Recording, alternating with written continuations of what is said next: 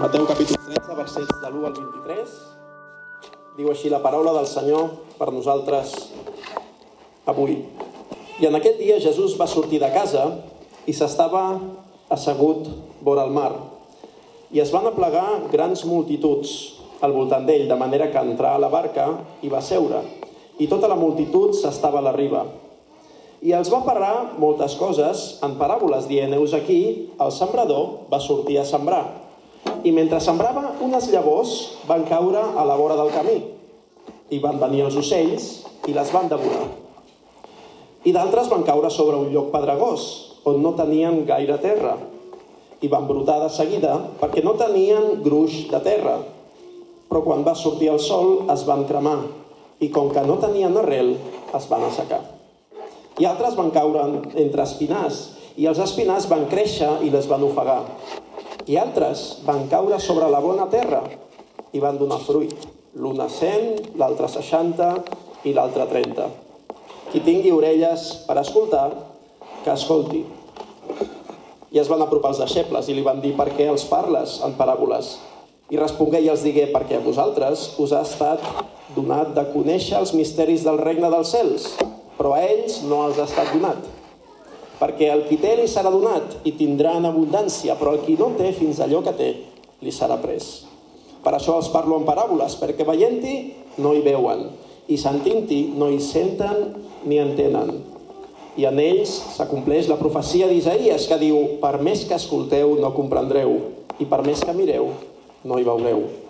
Perquè el cor d'aquest poble s'ha engreixat i han escoltat pesadament amb les orelles i han tancat els ulls. No fos que hi vegin amb els ulls i escoltin amb les orelles i comprenguin amb el cor i es converteixin i es guareixi. Però feliços els vostres ulls, perquè hi veuen, i les vostres orelles, perquè hi senten. Car en veritat us dic, molts profetes i justos van desitjar de veure les coses que vosaltres veieu i no les van veure, i d'escoltar les coses que escolteu i no les van escoltar. Vosaltres, doncs, escolteu la paràbola del sembrador. Sempre que algú escolta la paraula del regne i no la comprèn, ve el maligne i arrabassa el que s'havia sembrat en el seu cor. Aquest és el sembrat vora el camí. I el sembrat sobre el lloc pedregós és aquell que escolta la paraula i de seguit la rep amb alegria, però no té arrel en si mateix, sinó que és de temporada. I quan ve una tribulació o una persecució per causa de la paraula, ens ho pega immediatament. I el sembrat entre espinars és aquell que escolta la paraula, però el desfici d'aquest món i l'engany de la riquesa ofega la paraula i esdevé infructuosa. En canvi, el sembrat sobre terra bona, aquest és el qui escolta la paraula i la comprèn i porta fruit. I l'un fa 100, i l'altre 60, i l'altre 30. Hola i benvingut al podcast de Ciutat Nova, una església protestant al barri 22 arroba de Barcelona.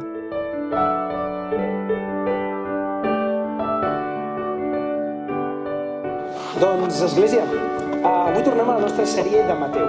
Um, avui, sí, avui Sant Jordi. Ho tenim en compte, Juan Pablo. Eh, avui Sant Jordi. Però avui retornem a la nostra sèrie de Mateu. No sé si eh, esteu una miqueta situats, perquè ha vingut la Setmana Santa i hem tingut cultes de Setmana Santa i vam tenir un culte especial el diumenge passat. I el Guido va predicar um, fora de la nostra sèrie.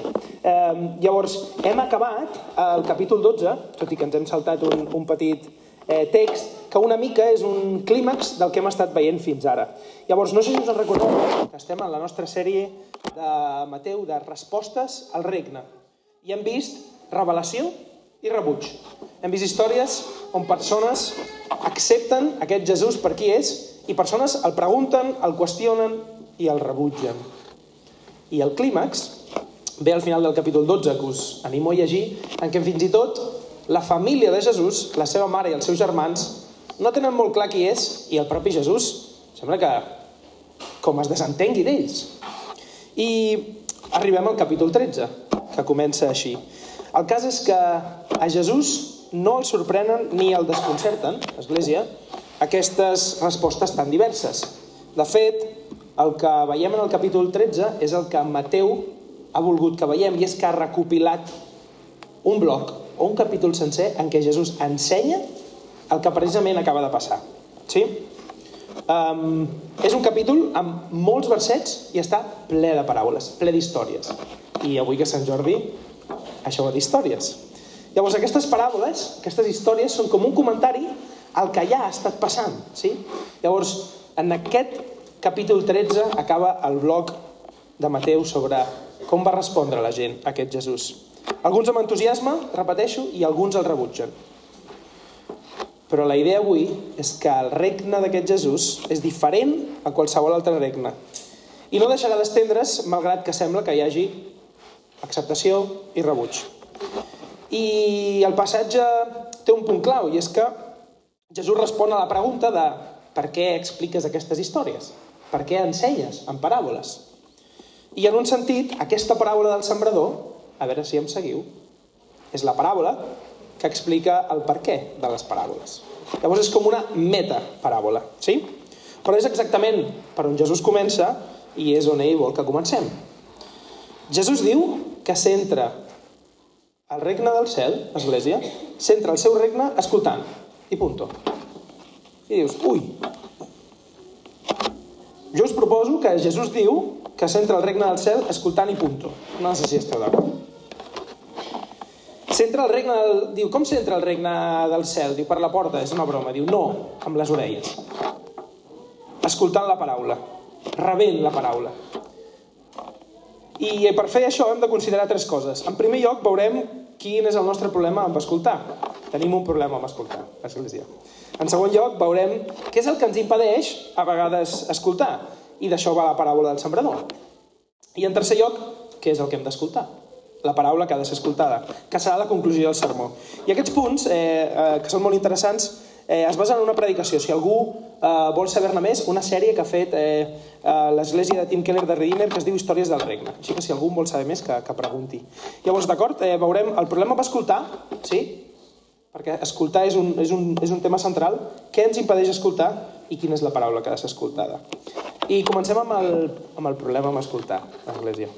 Eh, si llegim la paràbola i la resposta que dona Jesús als seus deixebles, és clar quin és el tema principal. La paraula escoltar, el, el Rubén ha llegit 23 versets. La paraula escoltar surt 13 vegades. I Jesús, de fet, cita el profeta Isaías, el capítol 6, versets 9 a 10, en què la part central de la seva resposta és a, a, a, per què parles en paràboles? I llegim el següent. I, si us sembla, us ho torno a llegir diu, em pararé en aquest fet. Diu, els parlo en paraules perquè veient no veuen, sentint no senten ni entenen. I en ell s'acompleix la profecia d'Isaïes que diu, per més que escolteu, no compreneu, no comprendreu, i per més que hi mireu, no hi veureu. Perquè el cor d'aquest poble s'ha engreixat i han escoltat pesadament amb les orelles i han tancat els ulls. I més endavant diu, molts profetes i justos van desitjar veure les coses que vosaltres veieu i no les van veure. D'escoltar el que escolteu i no les van escoltar. Escolteu vosaltres la paraula del sembrador. Llavors, només en aquest tros que cita d'Isaïes, sis vegades escoltar, tres vegades sentir amb les orelles i tres vegades entendre o comprendre. I és fort perquè us recordeu com va venir el David Burg? Aquest trosset de resposta de, de Jesús sembla que Mateu li vol donar una importància gran, perquè ho ha escrit en forma de quiasmo, que és aquesta estructura en què tot apunta a un centre, i aquest centre és no hi escolten amb les orelles, no veuen amb els seus ulls. Perquè va dir el profeta Isaías, i un altre cop molts profetes volien veure, però vosaltres sí, escolteu. Per enfatitzar el centre. I quina és la qüestió principal, l'Església? Que escoltareu i que no entendreu, que veureu i no veureu. Llavors, us pot semblar una veritat complicada, però es pot no escoltar escoltant. Escoltant es pot no escoltar. Espero que no sigui el cas avui. Escoltant es pot no escoltar. Així que Jesús diu, és molt probable, és més aviat molt possible, que sentint allò que Déu ha de dir, no escolti res de res.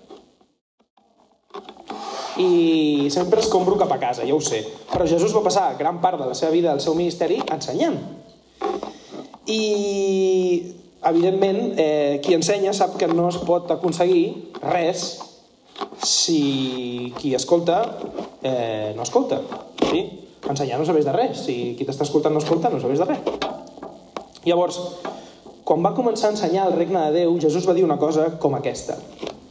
Vinc amb un missatge que no sou capaços d'escoltar. Llavors, llavors, llavors on anem? Si t'estic dient alguna cosa i t'estic dient vinc amb un missatge que és que no ets capaç d'escoltar. El que tingui orelles per escoltar, que escolti. En què quedem?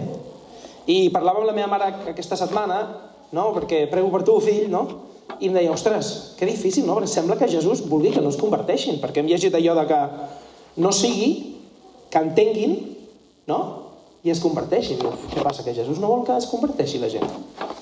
I la resposta és no. Precisament Jesús coneix els cors de la gent i està preocupat per aquest problema. Per això els parlo en paraules. Llavors, la meva intenció és explicar-vos que tenim dos problemes, ¿vale? El primer problema que tenim, i no sé si us agrada, no sé si esteu d'acord, és aquella dita que diu és impossible ensenyar a algú quelcom que creu que ja sap. És impossible ensenyar-li a algú, algú, que creu que ja sap. No sé si esteu d'acord. El que, el que Jesús està intentant dir-nos és que el regne de Déu és enmig de nosaltres ara, però vosaltres no us n'adoneu, perquè us, pengeu, us penseu que ja sabeu de què va, és la de, profe, no, és que jo ja m'ho sé. No estic a temps perquè és que ja me lo sé. Perquè ve d'una forma inesperada, subversiva, però està tan fora de la imaginació que Jesús entén que no, no, es pensa que ho saben i no ho captaran. El propi Jesús diu en el verset 11 a vosaltres us ha estat conèixer us ha, perdoneu, us ha estat de conè, donat de conèixer els misteris del regne. Això és un misteri. Llavors vosaltres us penseu que sabeu de què va, però no us entereu. El regne està entre vosaltres, però és un misteri que no esperàveu. Llavors, quina és la barrera més gran que impedeix algú reconèixer el regne de Déu? Pensar-se que ja sap de què va. Quina és la barrera més gran que es trobava Jesús quan predicava el seu regne? Que moltes de les persones es pensaven que ja sabia, ja, ja sé de què va esto. Les expectatives, església. Tu ja saps el que ve el regne. I, i això parla als oients originals. Moltes de les persones que s'acostaven a Jesús per jutjar-lo eren gent decent, religiosa, observant de la llei. Tenien la llei i esperaven les promeses de Déu. Eren gent que sabeu què deia? Deia, no, no, jo ja sé com ve el regne de Déu. El regne de Déu, quan Déu torni, vindrà a regnar, a jutjar els enemics, a enterrar-los i a justificar-nos a nosaltres, que som els justos.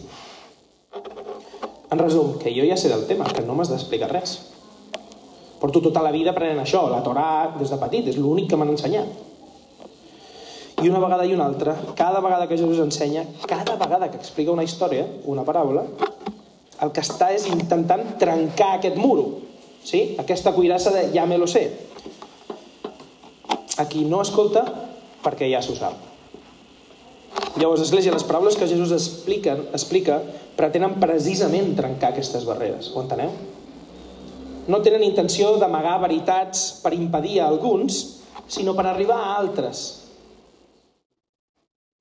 Perquè realment puguem, el que, puguem escoltar el que està tractant de dir-nos. Perquè tu i jo, Església, tenim un segon problema. A veure si esteu d'acord amb aquest.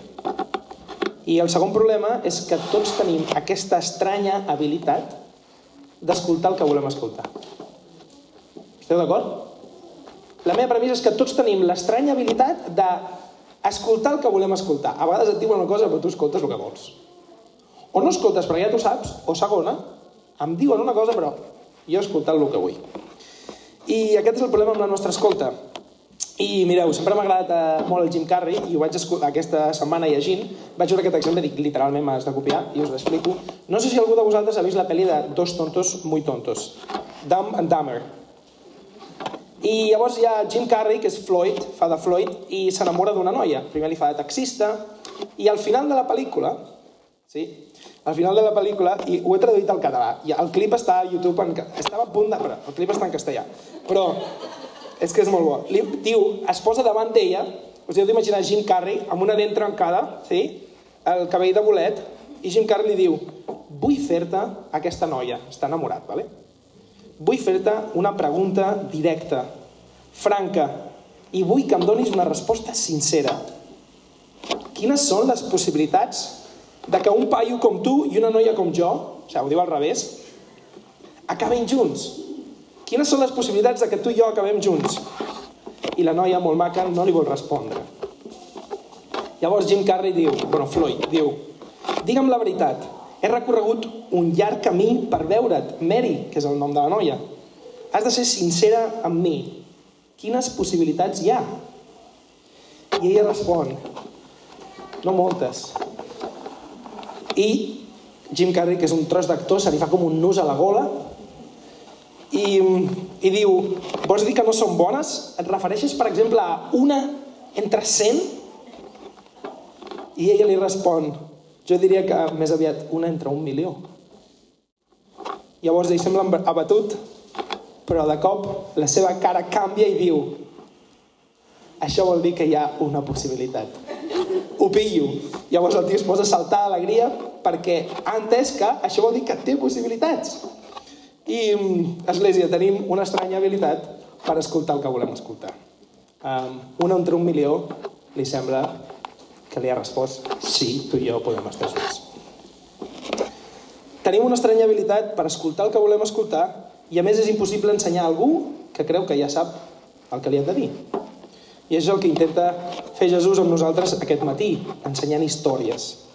Ensenyar-te una cosa que potser ja creus que saps, o perquè sap que ets propens a escoltar el que voldràs escoltar. I què fa Jesús? Com sobrepasses aquesta barrera? Com sobrepasses una cosa que és un rebote? No ho puc passar. Com sorteges aquest obstacle? Bé, Jesús ho fa explicant històries, paràboles. Per què els parles en paràboles? I el verset 13 diu Els parlo en paràboles perquè veient no veuen i sentint no senten ni comprenen. Així de clar només una història pot colar-se a la teva imaginació. Pot entrar d'una manera subversiva i començar a posar de cap per avall el que creies que tenies claríssim. És a dir, potser amb una història et colo el que et vull dir. I avui és Sant Jordi, um, l'Església. El dia del llibre, i com ha compartit el, el, el Rubén, també dia de Catalunya. Uh, sabeu per què regalem roses? You guys from the States? Sabeu per què regalem roses? Why, do, why are we uh, giving out uh, roses to girls? Avui també és el dia dels enamorats a Catalunya. So we kind of reject Sant Valentine's Day. We don't like it. Sí? No ens agrada el dia de Sant Valentí. I jo us pregunto, per què té a veure Sant Jordi amb l'amor? Ah, la Bàrbara està flipant. Avui és el nostre dia dels enamorats. Qui coneix la llegenda de Sant Jordi? Si no coneixeu la llegenda de Sant Jordi, l'heu de conèixer avui, you have to. Sí? Um, uh, li preguntava a la Bea, de què va la llegenda de Sant Jordi? Té alguna moraleja? Perquè jo podria venir i predicar i dir us heu de sacrificar pels demés? Heu de donar la vostra vida pels demés? Heu de però jo t'explico una història de Sant Jordi en què un drac vol ovelles, s'acaben les ovelles, li toca a la princesa i la princesa diu, jo vull, perquè aquí el crac no és Sant Jordi, aquí és la princesa, eh? I va després Sant Jordi i mata el drac i de la, i de la sang del drac surt aquesta rosa, no? Que representa l'amor que té Sant Jordi per salvar. Llavors, es parla d'amor, però una història et fa pensar sobre sacrifici, sobre entrega, d'una manera molt millor que si algú et ve i et diu has de fer això. I per què us explico això?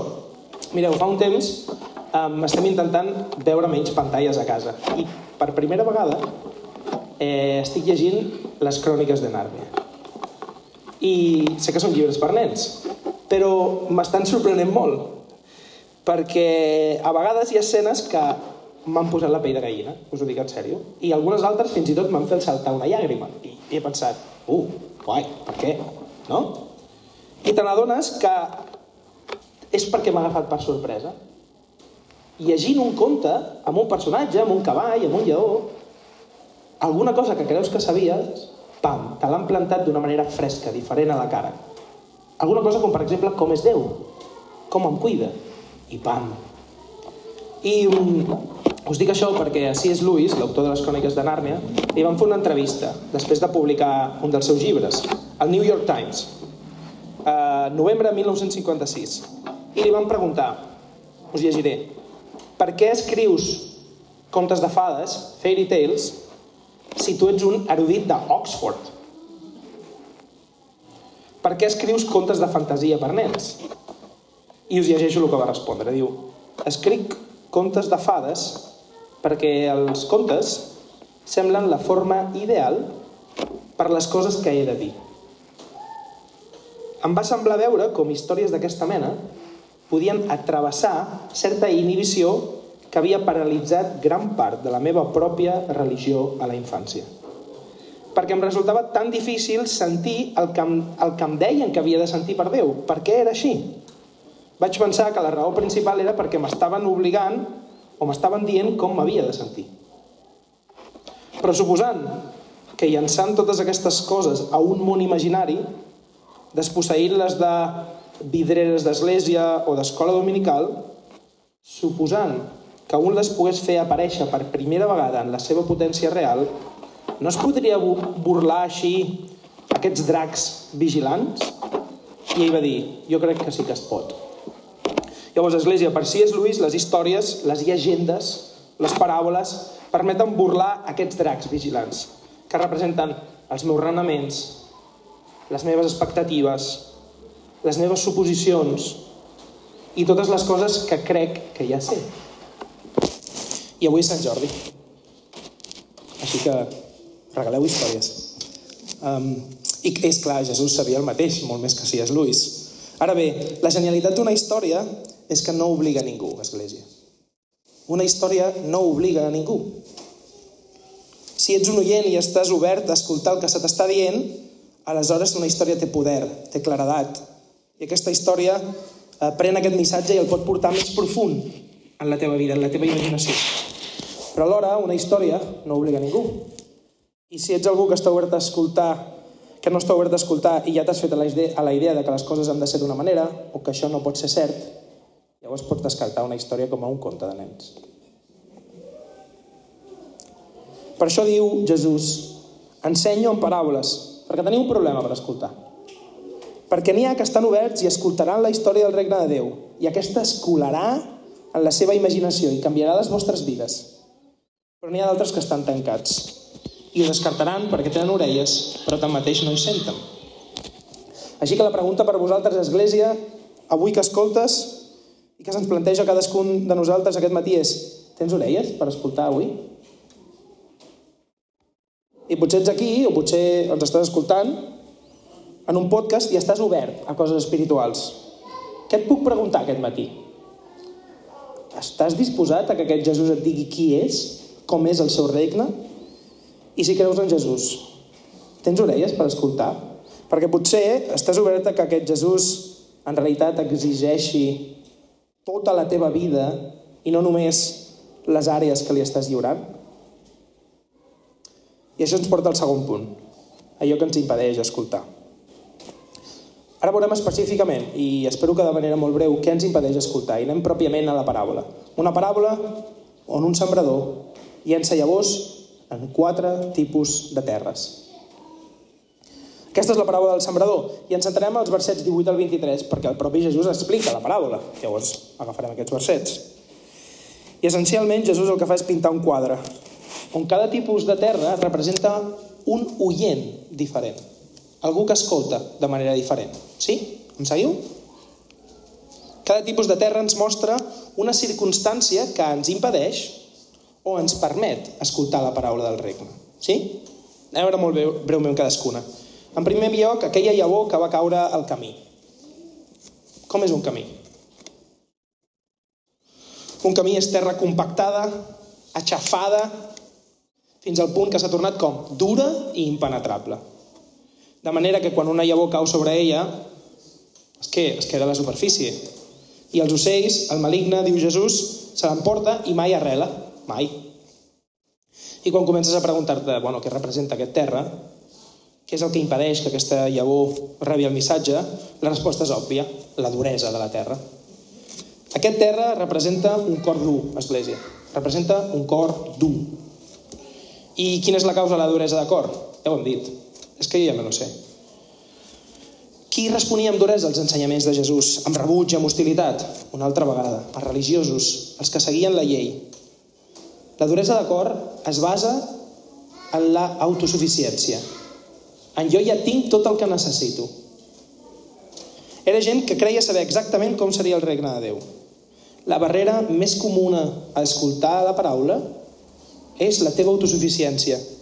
És aquella de no necessito que em salvi, no haig d'escoltar res. Res no endureix més el cor humà que la confiança i el sentit de la pròpia bondat. I no has de ser una persona religiosa per sentir-te així, perquè algú de fora, algú super secular, agnòstic, el que sigui, podria dir no, mira, jo intento fer el bé, viure d'una manera correcta, decent, jo hauria d'estar ok. És que no necessito que em salvin. No necessito que em salvin, és que I'm fine, estic bé. No estic en perill. Sí? I eh, això és el que Jesús precisament tracta de dir. És precisament això el que t'impedeix escoltar el missatge de salvació que he portat en aquest món. Dic, és que estàs bé. Aquesta és la llavor que va caure fora del camí. El cor dur. En segon lloc, el lloc pedregós.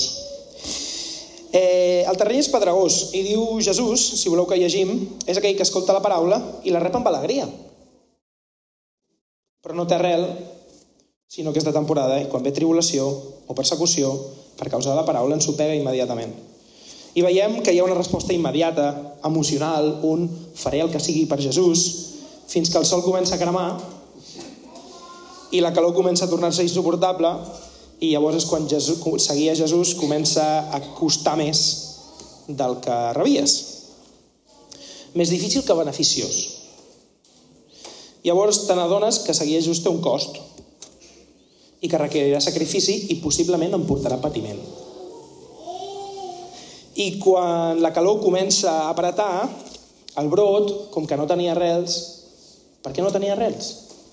Perquè hi havia pedres i la terra tenia poca profunditat s'asseca, es penseix ràpidament. Església, aquest és el terra que representa un cor superficial. Si el primer terra representava un cor dur, això representa un cor superficial. Aquesta és una fe superficial que diu seguiré Jesús sempre que els beneficis siguin més grans que els costos. Quan m'ajudi a tenir èxit, quan m'ajudi a complir les meves metes, sempre que em protegeixi del patiment, quan em porti consol, sempre que Jesús no sigui el meu senyor, sinó el meu servent. És una mica consumisme, no? És una mica... Quin descobriment aquest Jesús? Anem a aprofitar-lo, no? Anem a aprofitar-nos d'aquest Jesús. I novament, si Jesús parlava als religiosos, ara parla a les multituds. Aquelles multituds que s'acostaven i hi havia excitació. Hem llegit que Jesús se'n va d'haver d'anar a una caleta, m'estic imaginant una caleta, i pujar-se a una barca per fer espai com si fos un auditori i parlar a les multituds. Perquè, clar, la gent, la gent s'aplegava. Qui és aquest? Està fent miracles. Anem-hi. Anem a veure què està passant. Fins que després va dir de si mateix que no, que no havia vingut a alliberar-los de l'imperi romà militarment, que havia vingut a donar la seva vida. I aquest entusiasme es va pensir perquè era terra rocosa, amb arrels poc profundes. La meva pregunta és, és aquest el tipus d'acord que tens? Et descriu això aquest matí? Anem al tercer, el sembrat entre espinars. I, Església, anem a ser sincers. Tenim la tendència ràpidament a preguntar-nos quin terra sóc jo, sí o no? I quin terra sóc jo? No? I de moment, tots els altres, algú podria dir bueno, aquestes persones probablement no siguin creients de veritat, perquè jo no veig una fe genuïna ni en el terreny pedregós ni en aquesta gent superficial, però potser seria més humil preguntar-se com està el teu cor avui i no classificar-te tant. Però i aquí llegim, i el sembrat entre espinars és aquell que escolta la paraula, però el desfici d'aquest món i l'engany de la riquesa ofega la paraula. I esdevé infructuosa. Què passa? Se suposa que aquesta llavor té arrel, no? Se suposa que creix, però no té fruit. I jo preguntaria a aquesta persona que es vol classificar, o aquesta part de mi, eh, aquest, aquest, aquest serveix per anar al cel o no? ¿Esto sirve para ir al cielo si estàs ofegat però has crescut sense fruit? Què passa? L'església no és la calor del sol, no és un agent extern, són les circumstàncies internes, són els desitjos que competeixen dins la terra els que ofeguen la planta. Ho enteneu? És el que hi ha a dins de la terra el que ofega. Són els desitjos que competeixen al teu cor. És la persona que diu, Jesús és el meu, és el meu amor més gran, però també has de conviure amb les altres coses que estimo. I ens sentim tots eh, identificats. Església, aquest terra és el cor dividit. Un cor dur, un cor superficial i un cor dividit. Li estem dient a Jesús, t'estimo, però també estimo insertat. Jesús i insertat. Sí? I el que està a l'altra banda d'aquest i és la falsa promesa que ofega aquest fruit i impedeix que Jesús transformi la teva vida. Feina, diners, reputació, plaer, sexe o fins i tot família i ministeri. Són les espines que ofeguen la vida que creix a dins. Com vas d'espines? Com aneu d'espines? I finalment el sembrat sobre terra bona. Jesús diu, en canvi, el sembrat sobre terra bona, aquest escolta la paraula i la comprèn. No s'orena els altres això, i la comprèn. I porta fruit, i l'un fa 100, l'altre 60 i l'altre 30. I la terra bona, no sé si algú té família eh, agricultora, Juan Pablo, eh, una terra fèrtil és una terra que què? Està dura? No, ha estat estovada. És superficial? Tampoc, té profunditat. Ha estat buidada de pedres. I també ha estat arrencada, no?, de males herbes. Deixarem les males herbes per la setmana que ve. És un terra bo que ha estat buidat de la seva duresa, de la seva pròpia autosuficiència. És un sol que ha estat buidat de la seva superficialitat, de la rocositat que impedeix aprofundir aquestes pedres. És un terra que ha estat buidat de totes les altres promeses que ofeguen el fruit. Arrencat aquesta espina. La terra fèrtil és un cor que s'ha buidat de tot això. I precisament perquè és buit, perquè està buit, s'ha tornat tou i vulnerable i per tant està preparat per rebre un misteri. La inesperada obra subversiva d'aquest regne de Déu que és molt diferent a tots els altres regnes. I diu que comprèn la paraula perquè està buit, perquè està tou, perquè està vulnerable. Què vol dir que l'entén? Que comprèn la paraula. Però comprendre també vol dir que la comprèn, que la té a dins. Perquè aquesta paraula ha entrat dins el cor. Església, aquest és el cor tou.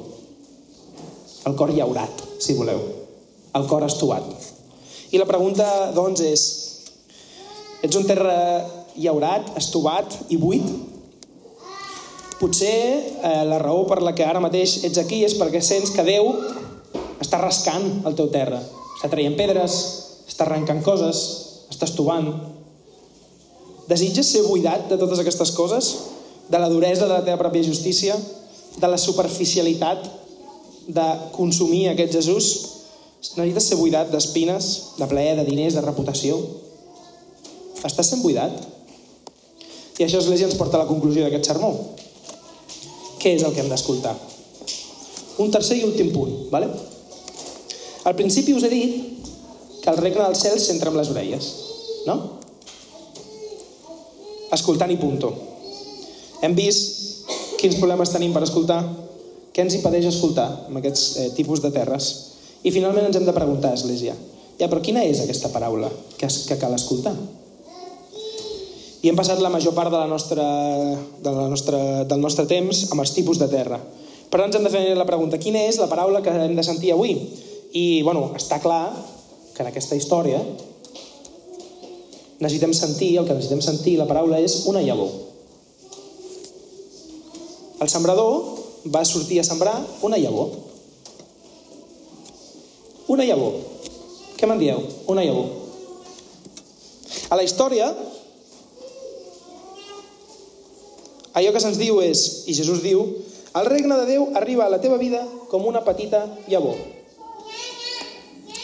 Tens orelles per escoltar avui? El regne de Déu arriba com una petita llavor. Munteu-vos la pel·lícula. 30 segons. El regne de Déu arriba a la teva vida com una llavor. Gran, poderosa, potser molt de potencial, no? Aquest regne no té res a veure amb qualsevol altre regne, perquè els regnes normalment venen amb què? Amb espasa, amb guerra, amb armadura, amb judici per eliminar a tots els enemics. No ve, i llegia aquesta setmana una cosa molt graciosa, no ve com l'imperi eh, dels vàndals. Sabeu què feien els vàndals? Quan conquerien una ciutat? La deixaven arrasada, arquitectònicament, bum, arrasada. Per què? Perquè així deixaven constància de que ells havien passat per allà. D'aquí la paraula vandalisme, que vol dir rebentar tot el que pilles. Vandalisme ve dels vàndals. El regne de Déu tampoc és com el regne dels bàrbars, que quan arribaven a un lloc saquejaven, cremaven, violaven i robaven. I d'aquí la paraula, quina barbaritat. Ni vandalisme ni barbaritat. Aquest regne és un regne que arriba petit, amb mansuetud, vulnerable, és poc impressionant, és poc cridaner, Església. És, és fàcil que passi per alt, és un grapat de llavors. És un regne que sembla feble. És un regne que sembla feble.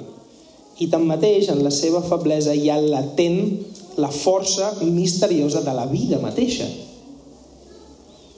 D'aquesta llavor insignificant, si la col·loques en condicions adequades, brolla una vida que no pot ser continguda, que no destrossa el terra, sinó que el transforma. Que el regne de Déu ve amb aquest tipus de gentilesa. Llavors la llavor comença a créixer i a desbordar-se i a produir més vida de la que podem imaginar. Una llavor. I Jesús diu, així que aquesta és la llavor, així que aquesta és la paraula. El regne de Déu no ve amb guerra i destrucció. No, no. I Jesús vol seguir filtrant-nos, filtrant-se en el nostre enteniment. Amb una altra història. Jesús t'està dient, escolteu, el regne de Déu no ve a enterrar els seus enemics. El regne de Déu ve per enterrar-se a si mateix. Per enterrar-se a si mateix a la terra. Morir per donar vida. Veus el que Jesús et diu? Està dient, jo sóc aquesta llavor enviada per aquest sembrador. El regne de Déu s'entra escoltant la paraula, i aquesta paraula només sóc jo. Jo sóc la paraula de Déu. Jo sóc a qui has de rebre. Jo, en el teu interior, puc donar-te vida. I aquesta és l'afirmació escandalosa de Jesús que fa que plantegin matar-lo cada vegada que el senten. Jesús està dient, la salvació no depèn de si tu pots complir la llei de Moisès.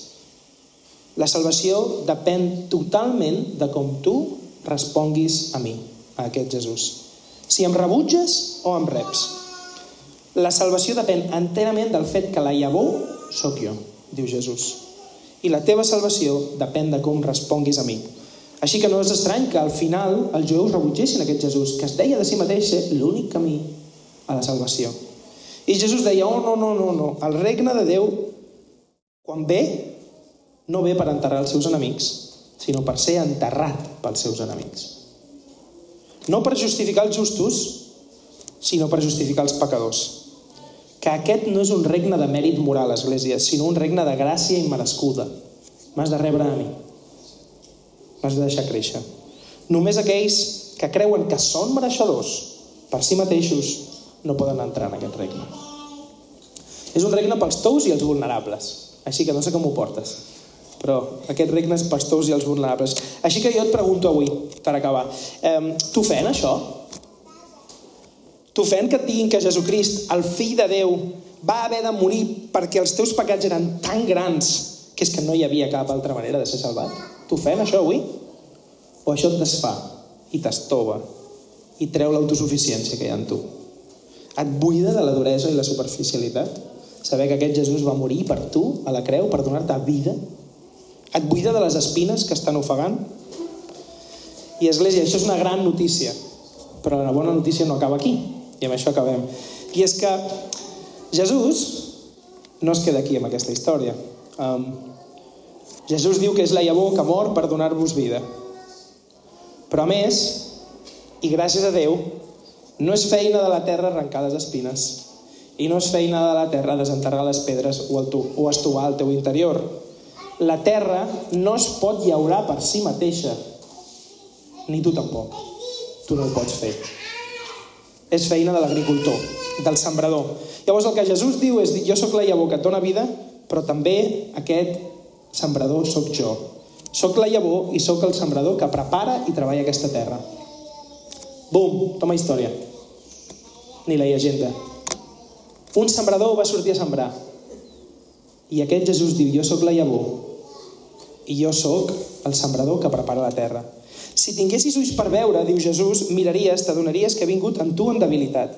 He vingut per ser llançat a la terra, per ser trepitjat, per ser enterrat en el cor d'aquesta terra. Però he vingut a lliurar la meva vida per donar-te vida. I si tinguessis ulls per veure, vinc a estovar la duresa del teu cor, vinc a llaurar aquesta terra. I és la Jesús per tu i per mi. Llavors, com dèiem al principi, tenim orelles per escoltar aquestes bones noves avui? Deixem que les històries eh, arribin al fons del nostre cor. Gràcies per escoltar aquesta predicació. Si tens preguntes respecte al seu contingut o vols tenir una conversa sobre l'Evangeli, no dubtis en contactar-nos. Escriu-nos o visita'ns a www.cn22.org.